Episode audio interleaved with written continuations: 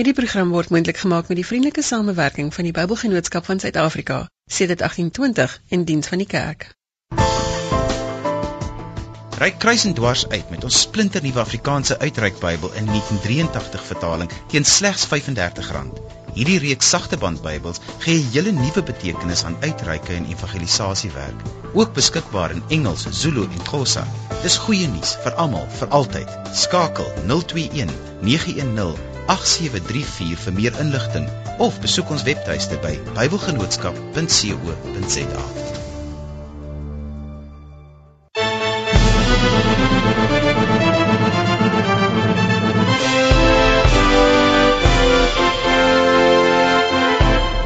Goeienaand van my Johan Semiten. Jy luister na Kruis en Dwars, jou godsdienstgespreksprogram op RSG 100 tot 104 FM en ook wêreldwyd op www.rsg.co.za.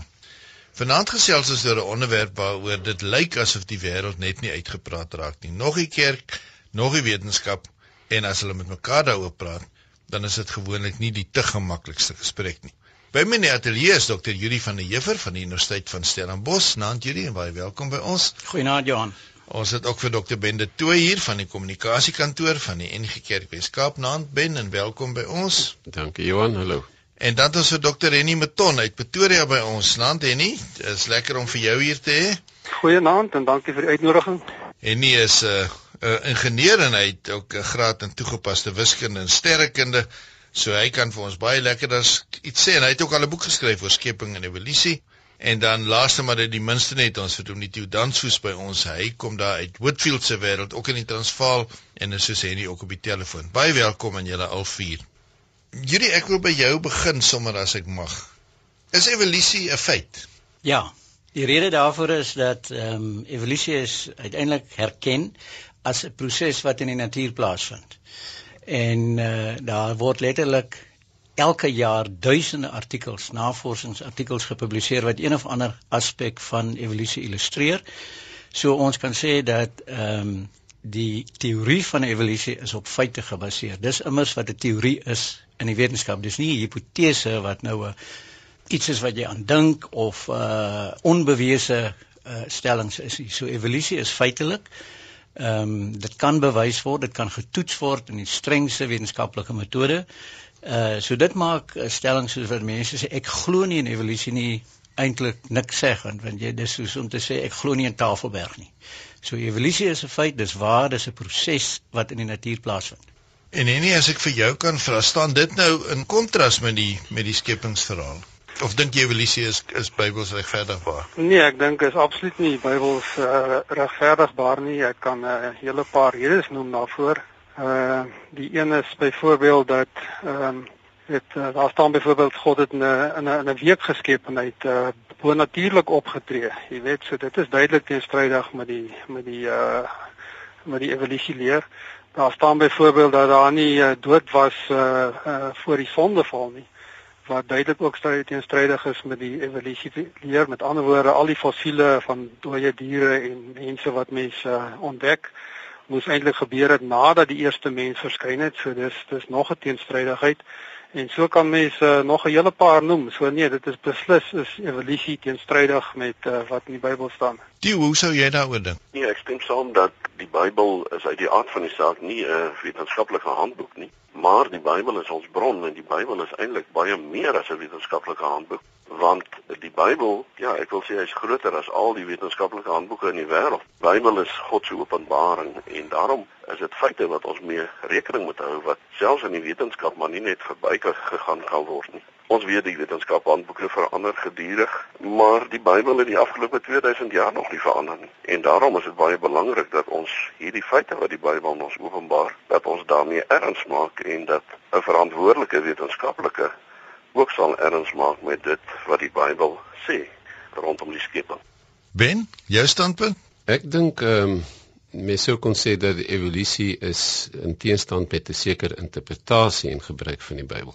Maar dit is nie noodwendig ehm um, ons ons verstaan van die Bybel nie en, en dan moet 'n mens maar na die teks toe gaan. Ehm um, as 'n mens kyk na die die Genesis 1 tot 3 en ek doen dit baie graag um, en en ek wens mense jy kan nou die luisteraars sê om hulle Bybels oop te maak en saam met jou te kyk. Dan sal mense byvoorbeeld sien dat Genesis 1 word vir die Skepper deurgangs net die woord God Elohim gebruik. En as jy na Genesis 2 toe gaan, dan sien jy dit word deurgangs Here God Yahweh Elohim gebruik. En dit het die ehm um, mense wat nou ook uh, met literatuur werk en so en slim is daar uiteindelik by die punt uitgebring om te besef dat jy uiteindelik hier twee verhale wat ehm um, wat die skepping verduidelik of wat in bepaalde stadiums in die geskiedenis van Israel hulle skepingsgeloof verwoord het en dat jy daarom hier te doen het met 'n soort literatuur wat 'n mens anders as wetenskaplike inligting moet uh uh um, interpreteer. Dit is trouens uh, sou ek sê dit is eintlik om die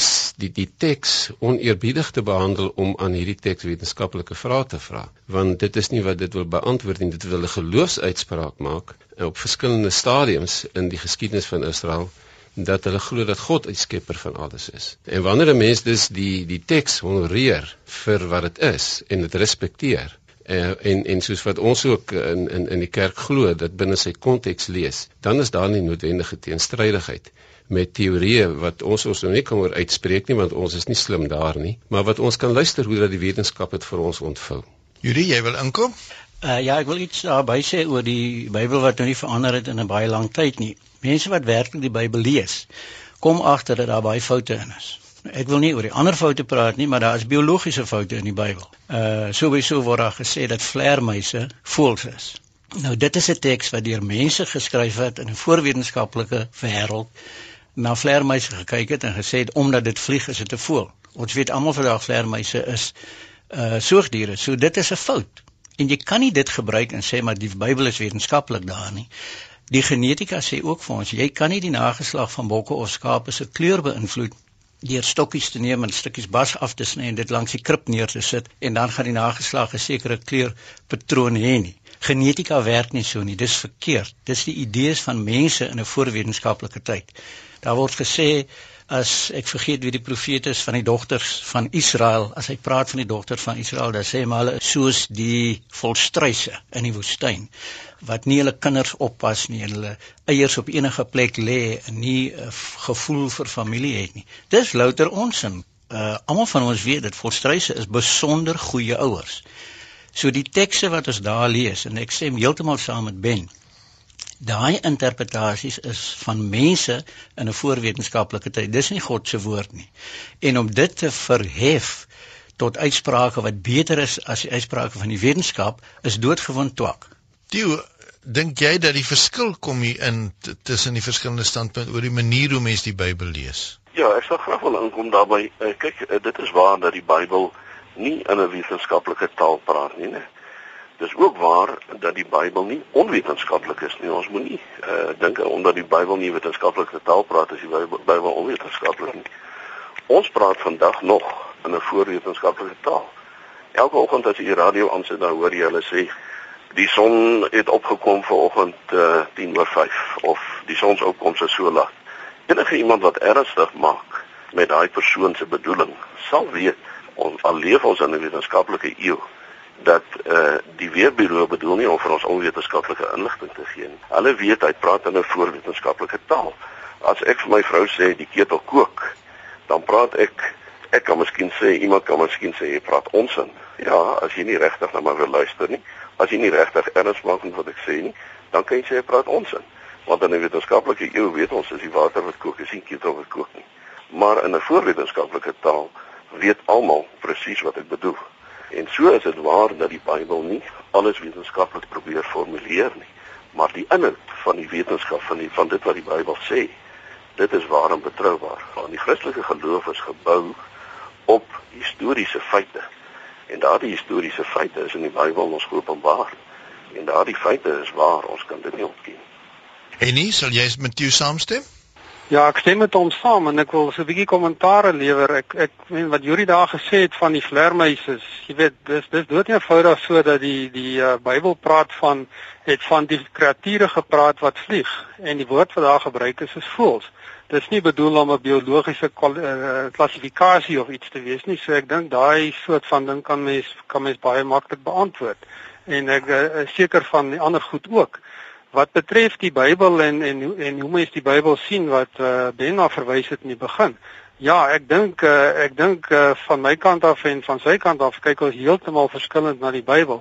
Ons gee verskillende gesag daaraan. Uh, ben sê byvoorbeeld in sy boek dat die Bybel is nie die woord van God nie, maar dis woorde oor God en die drink met al die gebrekkige en foutiewe sienings wat die mense van die pre-moderne tyd gehad het.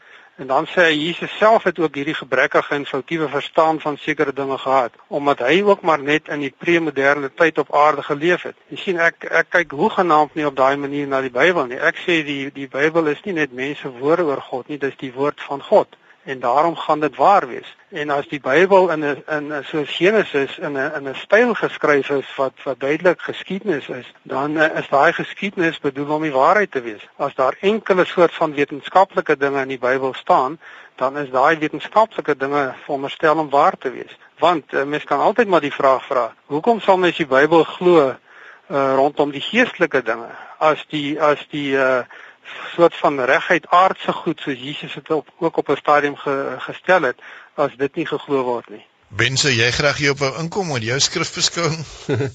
Wie Johan, is almal wonderlik hoe mense jou interpreteer, maar um, kom ek probeer.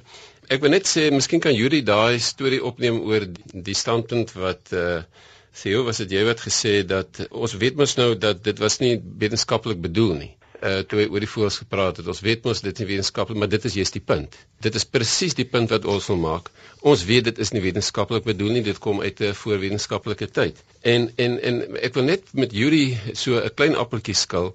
Ek dink nie die Bybel is foutief nie. Ek dink ook nie die Bybel is verkeerd nie. Ek dink dit is 'n verkeerde manier om daarna te kyk. En ek sal dit ook nêrens sê dat die Bybel is gebrekkig en foutief nie. Wat ek wel sê is dat die leefwêreld van die mense van daardie tyd wat hulle hoe hulle dinge verstaan het is anders as ons vandag. As Jesus sê dat die mosterdsaad is die kleinste van alle sade, het dit nou gejok? Nee, binne die konteks van waar hulle ken en met die kennis wat hulle gehad het oor sade, was dit die kleinste saad wat hulle sigbaar kon sien. En daarom word dit gebruik op daardie manier. En en daarom wil ek net sê ek ek dink dit is gebrekkige foutief nie en ek sal ook nooit so iets sê nie. Ek wil jy sê ons moet meer respek hê vir die aard en die eie aard van die literêre soort. Genesis is nie geskiedenis nie. Ehm um, as jy mooi gaan kyk na Genesis en wat hoe hy in mekaar gesit is, dan kom mens agter dat dit is vervlegting van ongelooflike wonderlike verhale wat vir ons uh, ons geloof in God versterk op baie maniere. Dit maak dit nie onwaar nie, dit maak dit juis waar omdat jy dit in sy konteks honoreer. Net soos wat die verhale wat Jesus vertel nie onwaar is omdat dit stories is nie, dis verhale met diep teologiese insig. Julie, ek wil uh, so 'n bietjie aanstap want ek is bang ons sit nou nou hier vas oor verskillende standpunte. Jy kan vir Ben antwoord. Ek sien jy brand om dit te doen. Ja, maar, nee, ek ek wil nie vir Ben antwoord. Ek wil met jou saamstem. Mense moet histories krities na die Bybel kyk. Uh maar dan wil ek net vir jou vra as Jesus God was, almagtig. Hoekom het hy dan nie geweet die mosterdsaad is nie die kleinste saad nie? En hoekom hoekom het hy hom as hy God was hom nooit uitgespreek teen slawerny nie? Maar maar net presies omdat die Bybel binne 'n bepaalde konteks ontstaan het en dat die mense van daardie tyd se hulle het nie gepraat en gedink met die wetenskaplike kennis van 21ste eeu nie. Dis doeteenvoudig so. En dit is nie snaaks nie en dit is ook nie dit maak nie die Bybel daarom of God is selfs 'n vraagteken oor God nie. Omdat God in die lewe mens geword het van daardie tyd. Hy het nie 'n 21ste eeuse mens in die wêreld gekom nie, maar in Christus. So ek ek ek ek dink dit is juis die punt. Yuri, ek wil graag hê jy moet vir my verduidelik as ons nou evolusie sê, wat bedoel ons daarmee? Beteken dit nou dat ek vanuit 'n aap ontwikkel het na 'n mens toe? Want dit is gewoonlik waaroor die argument ja. kom dat die mensbeeld daar verkeerd is. Nee, dit is nie waar nie. En as jy nou mooi terugkyk, sou sal geen wetenskaplike vir sê mense het uit ape ontwikkel nie, want ape lewe kontemporêr met ons. Uh wat evolusie beteken as die teorie is eersins dat alle lewe is verwant en dit verander oor tyd. En uh nou weet ons as gevolg van die geologiese ontdekkings, gevolg van sterrekundige ontdekkings is dat die heelal ons uh sonnestelsel, die aarde en lewe op die aarde is miljoene en biljoene jare oud. Dit uh skep natuurlik 'n probleem vir baie mense wat die Bybel letterlik wil lees, want nou is ons binne 'n heelal wat baie miljoene jare oud is. Ons het 'n spesifieke plek daar in 'n verwante plek aan plante en diere. Ons deel uh meer as 99% van ons genoom van ons gene met 'n sekere soort sjimpansee, die bonobo.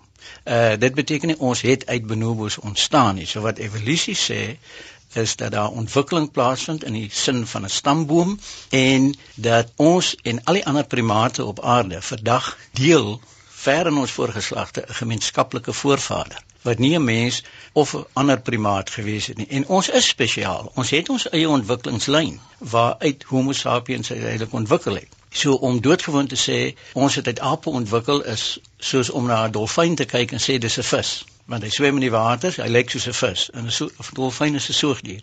So die biologiese oplossing vir sekere vrae wat in die natuur gestel word, is gewoonlik dieper as die oppervlakkige. En wat ons dikwels sien by mense wat fundamentalisties is, godsdienstig of wetenskaplik fundamentalisties, hulle hou van die klinkklare, eenvoudige verklaring en uh biologie is en evolusie is baie wonderliker as dit. En nie sal jy verskil hierso in terme van die standpunt dat daar so ding soos evolusie is en dat dit maar die stelsel is waarbinne alles aan mekaar verbind is en dat daar ontwikkeling plaasvind? Ja, nee, ek verskil uh, so min of meer 100% daarmee. Ehm um, die uh, wel, hierdie is die eerste soort van stelling dat uh, evolusie 'n feit is. Dink ek is is alles behalwe so. Ja, wetenskap gaan deur hipotese, teorie en dan kan mens daarna dalk 'n uh, uh, uh, feit begin noem.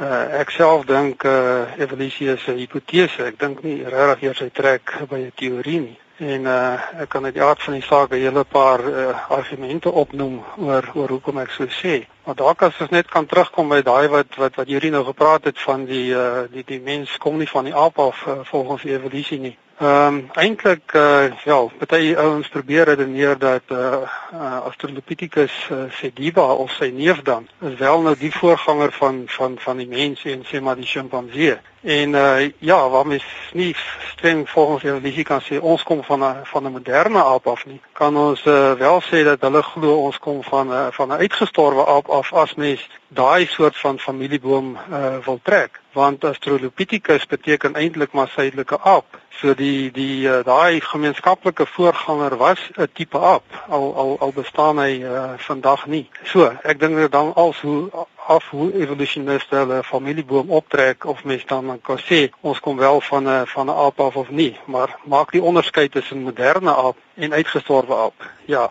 evolusioniste glo nie ons kom van enige moderne aap af nie. Daar daarmee stem ek uh, met uh, met Yuri saam. Steven Ben, ek gaan nou nou vir julle kans gee, maar laat hierdie twee wetenskaplikes nou eers hier met mekaar praat. Ek dink as 'n mens nou oor hierdie goed praat, moet jy dan ook die tyd in ag neem. En die tyd is baie baie goed be be bepaal. Australopithecus sediba is ongeveer 1.9 miljoen jaar oud. Die gemeenskaplike voorvader tussen die mens en die ander primate lê ongeveer hier by 7 miljoen jaar oud. So ons praat nie hier van ape nie, ons praat van die menslike afstammingslyn.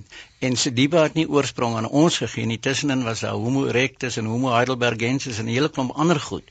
So weer eens is hierdie argument wat hy nie nou gelewer het baie simplisties. Dit probeer uh met 'n uh, uitlating van inligting die ding negeer. So die biologiese verklaring is dieper as wat 'n mens doodgewoon op die oppervlak uh kan vertel. So jy moet eintlik soos Johan Degenaar altyd gesê het, as 'n mens wil 'n gesprek voer oor enigiets, moet jy jou terme definieer. Dit is ek sê primaat of aap of Australopithecus sediba, dan moet ons almal verstaan wat daarmee bedoel word. Uh anderser kan jy in al hierdie oppervlakkige argumente verval. Ek dink ons gaan eers gou verhandelsnuus breek. Net voor ons dit doen, ek het sommer nou terwyl ons hierdie ding praat gedink aan daai uh, seentjie wat sy pa gekom het dood ontstel om te sê pa het vir ons geleer in die skool dat ons uit ape stam en toe die pa gesê my kind jou pa mag miskien 'n aap wees maar myne was nie. Op hierdie noot handelsdies ons is nou nou terug.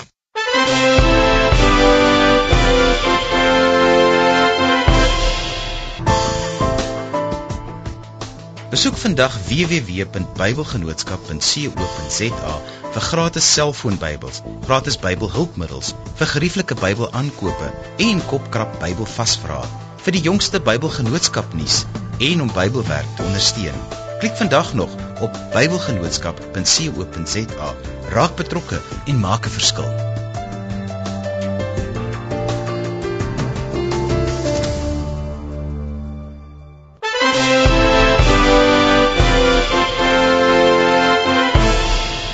Welkom terug. Jy's ingeskakel op RSG 100 tot 104 FM. Ek is Johan Simmet en vanaand in Kruis en Dwas gesels ek saam met my gaste oor die evolusieteorie en hoe die Christene daarna moet kyk.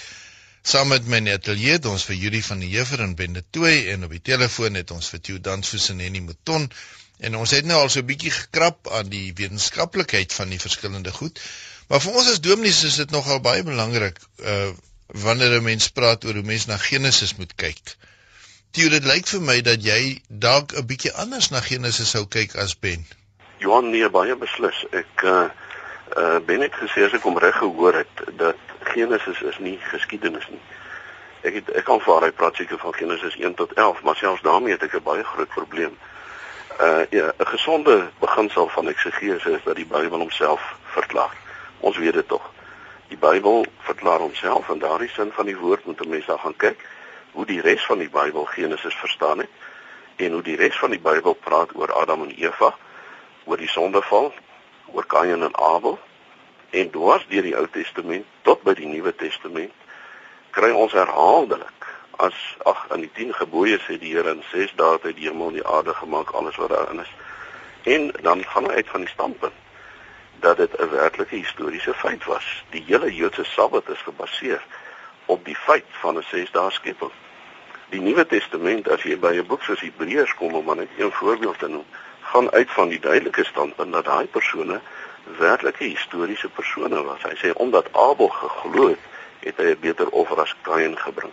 Omdat Henog geglo het en nou noem hy die name van die geloofshelde in Genesis in dieselfde lyn met name van geloofshelde later in die geskiedenis. Dit is tog dit sal tog onsin wees om van Roy Kappie en Sneeuwwykie in dieselfde asem te praat as Paul Kreer en Jan van Riebeeck as dit dan nie werklike historiese persone was nie. So ek verskil baie sterk van hom dat Genesis nie histories is nie. Inteendeel, ons geloof is gebaseer op die historiese feit dat God die hemel en die aarde geskaap het. En nou wil ek 'n tweede ding net sê wat ek dink wat ook belangrik is. Nou ons hoor ook baie keer die standpunt. Ek dink ek het dit net nou gehoor as ek reg gehoor het. Al wat Genesis 1 vir ons wil sê is maar net dat God geskep het. Hy wil niks vir ons sê oor hoe God geskep het en hoe lank God geskep het nie. As ek nou Genesis 1 lees, dan sê Genesis 1 vir my nie net dat God geskep het nie. Hy sê vir my hoe God geskep, hy het geskep deur sy woord. Hy het gesê God het geskep elke ding volgens sy aard. Hy het gesê God het geskep in 6 dae. Uh as ek sê al wat Genesis 1 sê is dat God geskep het, dan sit ek keuse wat ek maak. Dan kies ek om die res nie te glo wat daar staan nie. So ons moet gaan vra, hoe verstaan die res van die Bybel hoe die Here Jesus self die skepping verstaan, hoe die res van die Bybel die skepping verstaan en ek kan nie dink dat 'n mens by 'n ander konklusie kom as om te sê dat die Bybel verstaan Genesis 1 as werklike historiese gebeurtenis. Dit uh, maak dit nou vir ons baie interessant want ek sit nou wonder wie moet ek nou glo? Ben, hoe sal jy nou met Theo daaroor praat? Die eerste punt is net dat sy gebruik of sy 'n uh, uh, metode om Bybel met Bybel te vergelyk en dit daarom te verklaar as histories is is regtig waar hoegenaamd gaan dit nie op nie. Ehm um, enige ander plek in die Bybel waar jy lees is nog altyd voorwetenskaplik. Dit is verskillende soorte literatuur, maar dit is almal binne 'n voorwetenskaplike tyd. So om nou 'n een voorwetenskaplike teks met 'n ander voorwetenskaplike teks te vergelyk en dit daarom histories te verklaar, is doodgewoon net wetenskaplik nie uh, gangbaar nie. Mens doen nie dit so nie. Ehm um, en en ek wil net maar net sê om 'n lang storie kort te maak is dat ons het in 2004 uit die algemene sinode van die NG Kerk daarom juis besluit dat soos in gereformeerde tradisie beteken hierdie belydenis van ons dat die Bybel die woord van God is, beteken dit nie dat die Bybel vereis dat ons ons denkvermoë wat 'n gawe van God is moet opoffer nie. Tweedens dat die Bybel gesien kan word as 'n eksakte handboek of historiese wetenskap van historiese wetenskaplike kennis nie of dat die Bybel so maklik te verstaan is dat enige mens dit selfstandig kan verstaan. En dan gaan die besluit aan dat ons kom by die punt om te sê dat in ons gereformeerde tradisie is daarom juis belangrik dat daar goeie opleiding sal wees in die grondtale en in die wetenskap wat 'n multidissiplinêre wetenskap is wat nie net gaan oor uh, die natuurwetenskap nie maar ook oor hoe mens tekste verstaan en en hoe hoe die literêre wetenskappe ons help historiografie ons help om geskiedenis te rekonstrueer. So dis dis dis 'n multipluriformis uh, uh, wil ek amper sê gebruik van die wetenskap om vir ons uiteindelik by die betekenis van tekste uit te bring. Maar ek sit nou vanaand en ek lees nou Genesis 1 tot 11. Ek is nie 'n uh, opgeleide teoloog nie, ek is ook nie 'n wetenskaplike nie.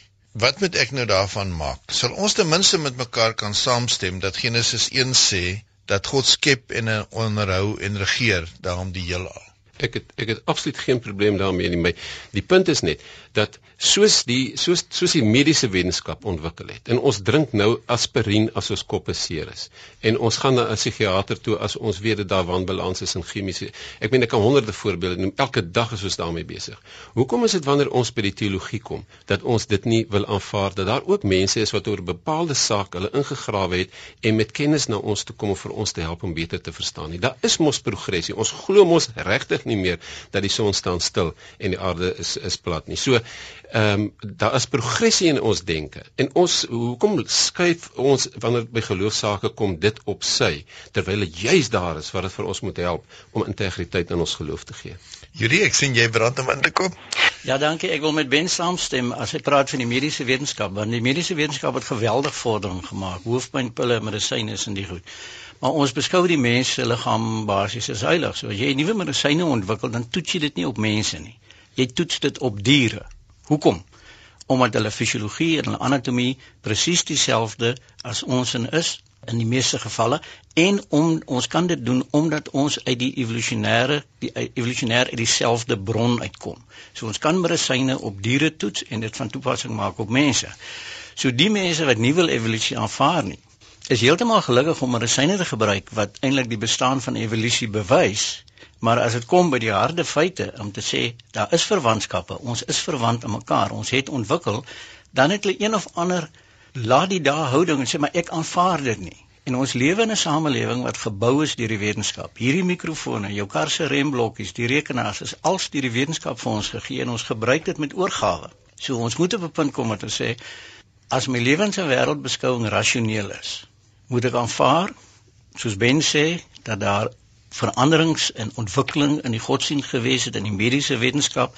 Ons moet evolusie aanvaar as 'n feit van die natuur en daarmee saamlewe. Jy kan nie nou omdraai en weer teruggryp na die middeleeue toe nie. En ek het gehoop hierdie gesprek kan ons miskien sê kreasionisme is nou finaal verpletter. Dit is so. Intelligente ontwerp is teologiese vlak in die regsbedryf is dit finaal verpletter. Die nuutste idee dink dit lyk my onder teoloë is ons moet begin dink aan spiritualiteit en ons verhouding met die natuur. Ek het gehoop ons kan daaroor gesels. Christus daaroor gaan praat gaan ek vir jou sê jy mag nie diere op eksperimente opdoen en op en wat jy dan op mense gebruik nie, maar dis 'n onderwerp vir 'n ander aand. En nee, ek wil vir jou graag vra Dink jy as mense soos Ben of Judy nou kyk na hierdie hele ding dat hulle dan eintlik die openbaring van God te klein maak? Dat dit lyk asof hulle wil sê God se openbaring is nie voldoende om in ons tyd vir ons antwoorde te gee nie. Of hoe moet ek verstaan hoe dink jy? Dink verseker so, ek meen dit kom maar net uit wat Ben in sy boek ook geskryf het. Hy dink eenvoudig dat die dat die Bybel is net mense woorde oor God. Dit is nie van God self af nie. Dit kom absoluut duidelik uit. Maar ek wil ook terugkom na hierdie hierdie punt rondom rondom evolusie weer wat nou sogenaamd te feit is en kreasionisme wat hopelik verpletter is. Daai soort van van van stellings. Ehm uh, ek dink ons moet besef uh, en dan doen Julia vergelyking met operasionele wetenskap. Uh, ek dink dit is verskriklik belangrik dat mense onderskeid moet maak tussen operasionele wetenskap wat gaan oor selfone en die gravitasiewet en al hierdie soort van goeters. Dis goed wat ons nou en hier kan herhaal. Maar aan die ander kant kry jy historiese wetenskappe uh, of oorsprongwetenskappe, argeologie is byvoorbeeld 'n uh, voorbeeld daarvan, of jy kry dan skepingsleer of kreasionisme en jy kry evolusieleer. En al al twee van hulle lê ook baie sterk in die oorsprongwetenskaplike kant. En daar gaan dit baie sterk oor jou voorveronderstellings waarmee jy na die data kyk want dit gaan bepaal dat dat mense verskillende vertolkings het van wat hulle sien. Noem maar nou maar daai voorbeeld wat hy gedoen het van die medisyne en uh, en ons en die diere wat redelik dieselfde is uh uit een voorveronderstelling sal jy sê ons moet 'n gemeenskaplike voorganger hê, daarom is ons so dieselfde. Dis die voorveronderstelling van die evolusionis. Uit 'n Bybelgelowige oogpunt sal jy sê nee, daar was 'n gemeenskaplike een ontwerper, een skepper gewees. Daarom het hy sekere dele dieselfde gedoen. Daarom is is die mens en die dier in sekere opsigte dieselfde. Dis verskillende voorveronderstellings wat verskillende vertolkings tot uh, gevolg het. Maak dit nou dat 'n kreasionis nie in medisyne glo nie? Nee, natuurlik nie. Dit is 'n heeltemal eh, 'n uh, verkeerde soort van argument om te gebruik. In hierdie hele gesprek is die datering van die ouderdom van die aarde belangrik of nie? Want kyk, as mens nou ouens wat wat gesê het hulle het in die in die ruimte oorblyfsels gekry van sonnestelsels, ek het my terme is nie altyd reg met die geleerde goed nie. Wat definitief ouer as 5000 jaar oud is. Moet mense nou gaan dink oor oor die skepping as 'n verhaal van 5 6000 jaar terug of hoe moet ons daarna kyk? Ja, goed, datering, datering is 'n baie belangrike ding. Dit gaan oor die ouderdom, watter ouderdom en ek dink is makliker om eers maar te praat van wat op die op die op die aarde aan die gang is, uh rondom die die kosmos is daar nogal ingewikkelde soort van modelle wat wat sekere dinge verduidelik, maar ek dink kom ons bly maar vir eers eers by die aarde. Ek meen daar's radiometriese datering en daar's die geologiese kolom en daar's allerlei dinge wat wat wat lyk asof dit dui op miljoene en miljarde jare. Maar ek dink mense moet uh, regtig na die goed gaan kyk en sê of dit geldig is of nie. Mense moet by die argument self uitkom van is dit 'n uh, goeie wetenskaplike argument of nie. So as ons uh, sommer net dalk eers vanaand net kan praat oor radiometriese datering. Uh radiometriese datering kan mens uh, gaan oor moederatome wat uh, omgeskakel word in dogteratome teen 'n sekere tempo. Maar daar's baie aannames in die hele proses, die die die die uh, om die ouderdom te bepaal daaruit. Een is dat jy moet weet wat die verhouding van die twee reg in die begin was en dit weet ons nie altyd nie. Die tweede ding is jy moet weet hoeveel het ingelek of uh, of of uitgelek of of in uh, gesypel in hierdie monster wat jy toets. Dit het ons ook nie altyd nie. So daar's teoreties is daar groot probleme eintlik uh, aannames wat jy moet maak wat jy nie van seker is nie. En dan die uh, dink ek van die sterkste argumente teen teen uh, sekere radiometriese daterings veral hierdie wat hy op die miljarde en die, of die miljoene jare is dat uh, daar uh, baie goeie getuienis is wat dit regtig nie gewerk het nie. Daar's daar's 'n hele paar uh, goed al gepubliseer en nie net deur skepingsleerders nie, ook deur uh, deur ouens aan die ander kant uh, wat wat gedui wyse dat daar uh, historiese lava vloeie was en uh, daai materiale dan gestol op daai stadium en uh, uit die geskiedenis weet ons wanneer daai uh, lava vloeie gebeur het. En dan weet ons dit moet nou 200 jaar oud wees of 1000 jaar of iets in die voege. En dan word daai goed getoets met die radiometriese daterings en dan kry hulle antwoorde van miljoene. So jy daar's daar's duidelike voorbeelde waar radiometriese daterings nie werk nie. En so moet 'n ou eintlik ernstig gaan kyk na elke metode wat wat gebruik word om te probeer om ouderdomme te bepaal. En ons glo daar's daar's baie ernstige probleme met uh met omtrent al daai daai gevalle. Uh koolstof 14 uh as mens reg na hom kyk, uh, glo ek dat hy gee dan en wan gee hy wel vir mense die die regte antwoorde en dit dui baie meer op uh lees daar op hierdie uh, jonger ouderdom wat mense skry eintlik uit die Bybel in terme van aarde van 6000 jaar oud. As uh skepingsleerders soos ek self sê, uh die aarde is nie so oud nie. Moet mense ernstig kyk na al daai ander gevalle en dit is presies wat skepingsleerders doen ons uh, kyk nie net na ons eie goed nie, ons kyk beslis na na allerlei uh, publikasies en uh, so aan wat wat wêreldwyd gepubliseer word. Baie dankie. Ek gaan nou vir jou vra, Theo. Sê nou maar. Sê nou maar. Julle stem almal saam dat die aarde ouer as 6000 jaar is. Is die Bybel dan nog korrek in terme van die skepping? Of is moet ons net werk op hoe ons die getalle in die Bybel kry wat hier op 5 6000 jaar dui? Johan, eh uh, uh, persoonlik dink ek nie die Bybel gee vir ons werklik die ouderdom van die aarde nie. Daarom is dit nie vir my 'n saak van lewe of dood. Ek gaan nie waag om te sê hoe oud die aarde is nie, want ek kry nie 'n skrif uitspraak daaroor nie. 'n Mens kan 'n aanduiding kry dat dit waarskynlik nie biljoene en biljoene jare oud is nie. Uh so wat die ouderdom van die aarde aanbetref, uh dink ek die Bybel se aanduiding is dat dit 'n jong ouderdom moet wees en nie so oud soos wat evolusioniste dit wil maak nie uh die uh die groot belangrike argument gaan egter nie daarom nie. Die argument gaan oor baie wesenlike saak en dit is as die evolusie teorie reg is dat die mens ontwikkel het dat daar nie een mensepaar deur God geskep is soos wat die Bybel sê nie.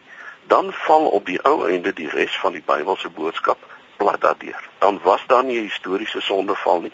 Ek sal graag wil hê dat Ben en Yuri vir ons moet verduidelik as hulle of hulle enige ruimte nog sou laat vir historiese sondeval, dan moet hulle vir ons ook verduidelik op watter stadium het die mens dan 'n beeld van God geword as die mens in die dier nou maar ontwikkel het. Genesis 1 wil reeds vir ons baie duidelik sê dat God die mens anders gemaak het as wat hy die dier gemaak het. Hy het sy eie gees daarin geblas. Hy het die mens anders ter geskep as die, uh, as as wat hy die dier geskep het. Die mens is geskape na die beeld van God. Daarom is hy 'n sedelike wese wat moet rekenskap gee voor God en wat uh, 'n sedelike wet het wat uh, wat hom tot rekenskap roep. Uh, dit het die diere nie. Op watter stadium het daar onderskeid dan gekom? Of aanvaar hulle dan nou ook dat daar nie 'n sondeval was nie? Dan is die verlossing wat Christus gebring het, dan was dit nie nodig dat Christus aan die kruis hoef te gesterf het nie, want daar's baie mense wat waarskynlik nie sondaars is nie en wat waarskynlik uh, nou maar net deur 'n paar gewoontetjies af te leer van hulle sonde ontslaak kan raak. Die hele Bybelse boodskap tot by die kruis en die opstanding van die Here Jesus kom in die gedrang as ons nie wil aanvaar die getuienis wat die Bybel gee oor die skepping en die sondeval nie. Julie, ek sien jy wil graag antwoord en ek ben daar's direk ook eintlik aan jou 'n vraag gevra oor die oor die sondeval ensovoorts. So ek gaan vir jou kan sê, maar Julie, kom ons begin by jou. Goed, ek wil net reageer op wat Henny gesê het en uh, hy skiet weer met 'n halgeweer sonder om enigiets te tref uh deur te sê dat die radiometriese datering foutief is of verdaggem is is doodgewoon nie waar nie. Ons het op die oomblik omtrent 40 verskillende metodes van datering plus natuurlik die uh tempo van sedimentasie en hierdie goed wat ons in die Karoo kan kry en hierdie metodes ondersteun mekaar. So daar is nie daai twyfel wat hy probeer saai oor radiometriese datering nie. Ook met koolstof uh datering wat werk tot omtrent op 40000 jaar en hierdie goed is soos gereedskap. As jy wil 'n skroef indraai, gebruik jy nie 'n hamer nie. So as jy datering wil doen, gebruik jy die regte metodes daarvoor en dit is betroubaar. Dis nie deur evolusioniste uitgewerk nie, dis deur fisici uitgewerk. 'n Goeie voorbeeld, die Mount St Helens ontploffing. Hy praat nou van lavas en goed wat nou jonk is en dan oud dateer. Kreasioniste in Amerika het met die storie gekom. Mount St Helens het op daai stadium 15 jaar gelede ontplof en toe het hulle nou die lava dateer en hulle het 'n ouderdom van miljoene jare gekry. Die fout wat hulle gemaak het is om die firma wat dit gedoen het se naam te noem. En toe ek die firma gekontak, ek sê wat gaan hier aan? Toe sê die man vir my, hulle doen spesifieke soort daterings. En die datering van die Mount St Helens lava is nie wat hulle doen nie. En toe die kreasioniste daar aankom met die monster om dit te dateer, toe sê hulle ons kan nie dit doen nie want julle gaan die verkeerde datum kry. Toe sê hulle ons betaal daarvoor toetste. En dit is ongelukkig die baie van die onderliggende argumente van die kreasioniste. So hulle het geweet hulle gaan die verkeerde data kry, hulle nog dan nie nogtans die toets laat doen en toe dit versprei om te sê radiometriese datering werk nie. So ek is jammer vir julle, gaan terug na die boeke toe, gaan kyk na die verskillende goed radiometriese datering werk. Goed, Ben, ek gaan vir jou vra want ons wil graag uitkom hoe moet ek nou dink as 'n gewone Bybelleser? Is die sondeval nou nie te sprake nie? Nee, waar dit is mos nou maak mens amper 'n bietjie moedeloos. Ehm um, die Bybel ek sou graag vir hulle wou gevra het vir en julle as dit nou baie duidelik staan in die kom ons neem net maar die eerste skepingsverhaal as letterlik nê. Daar was daar 1 2 3 die 4de dag. Wat wat veroorsaak uh, in terme van die kennis van daardie tyd dag en nag? Die son wat opkom en ondergaan. Maar eers op die 4de dag word die son en die maan en die sterre gemaak. Wat was dan die eerste 3 dae? As ons daardie soort van vrae vra aan hierdie teks, dan maak ons die teks belaglik. Want die teks wil nie dit beantwoord nie. Die teks wil vir ons vertel van God wat alles gemaak het, van die fout wat daar gekom het, die sonde wat in die wêreld gekom het. Genesis 3. Dit gaan oor die sonde. En uiteindelik gaan die Bybel vir ons oor die openbaring van God aan ons van 'n liefdevolle genadige God in Jesus Christus. Dit is die boodskap van die Christelike geloof. Op geen manier verswak dit wanneer ons die Bybel juis na sy aard en respek het vir die oorspronklike tekste nie. En as 'n mens daarmee saam onthou, dat is hierdie hierdie hele argument wat ons eintlik hier het is eintlik uh, maak mense eintlik hartseer. Ek meen die Bybel is nie eens die oudste geskrif wat daar bestaan nie. Daar's ander geskrifte voor die Bybel se ontstaan. Hebreëus waarin die Bybel geskryf is, die Ou Testament, is glad nie een van die oudste tale nie. Ehm um, as ons al hierdie dinge in aanmerking neem, dan moet ons groter respek hê vir die Bybel en vir God. Dit dit bring my eintlik by wanneer ek hierdie dinge besef, raak ek amper meer in in awe soos die Engelse sê vir God in sy skepping en en dat hy ons uiteindelik in Jesus sy gesig kom wys as dit waar en sê hierdie kan julle nou glo. So is God. So voel hy oor ons. En dat ons daarin uh, um, ons lewe en ons sekerheid kan hê as ons nou ons geloof bely kan ons ten minste die ek gaan vir jou dit ook vra want ek wil graag hê ons luisteraars moet ook hier kan troos vind in ten minste sê dat God skep hy onderhou regeer hy openbaar homself aan die mensdom dat die Skepper is terselfdertyd ook ons redder, dat die Bybel gesaghebend is en ons genoeg gee om ons redding in Christus te verstaan en dat God die Heer oor alles is en dat hy aan die mens spesiale vermoëns gegee het. Sou ons dit kon gebruik as ten minste grondslag waarop ons al het ons verskillende skrifbeskouings met mekaar kan praat? Ek ek dink dit wat jy gesê het Johan is alles waar, maar as dit alles wat 'n mens sê, dan sê ons nie wat die Bybel sê nie. En die twee vrae wat ek gevra het is nog nie geantwoord nie. Die eerste vraag was gewees of die sondeval werklik historiese gebeurtenis was en die Christelike geloof is gebou op God se openbaring in die geskiedenis. Is dit belangrik dat ons uh dit sal glo en dat ons dit so sal verstaan dat die daar 'n werklike historiese sondeval was van een mensepaar wat na al die mense toe uitgebrei het.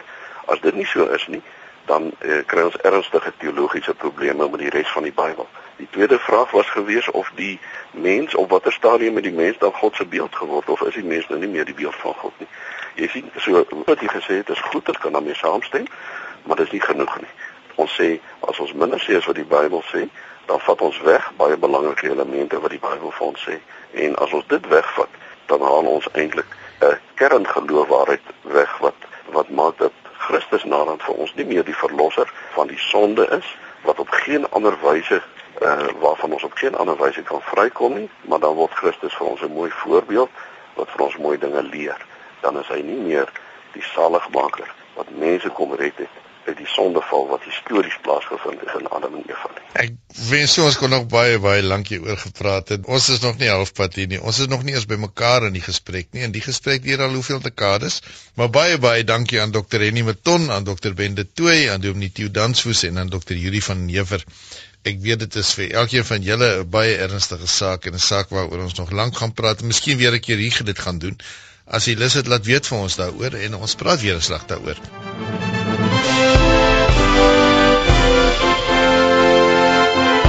Ek groet namens die span in Kaapstad, Neil Roo agter die kontroles en ons programregisseur Liselde Bruin. Baie dankie dat jy saam met ons geluister het. Skryf ons 'n e-pos en sê wat u dink. Tot volgende week van my Johan Semiten. Totsiens. Ai Karen, het jy geweet miljoene Christene in Suid-Afrika besit glad nie 'n Bybel nie? Dis nie goed nie. Die goeie nuus is dat die Bybelgenootskap bekostigbare Bybels in al ons landstale bied teen so min as R35. So nou kan enigiemand uitreik en 'n verskil maak. Dis reg. Skakel die Bybelgenootskap by 021 910 8734 of besoek ons webwerf by bybelgenootskap.co.za vir meer inligting oor ons volledige reeks Bybels. Dis nou goeie nuus vir almal. Ja, vir altyd. Hierdie program is moontlik gemaak met die vriendelike samewerking van die Bybelgenootskap van Suid-Afrika, die uitgewer van die Bybel in jou taal. Die program is versorg deur Wordwise Digital.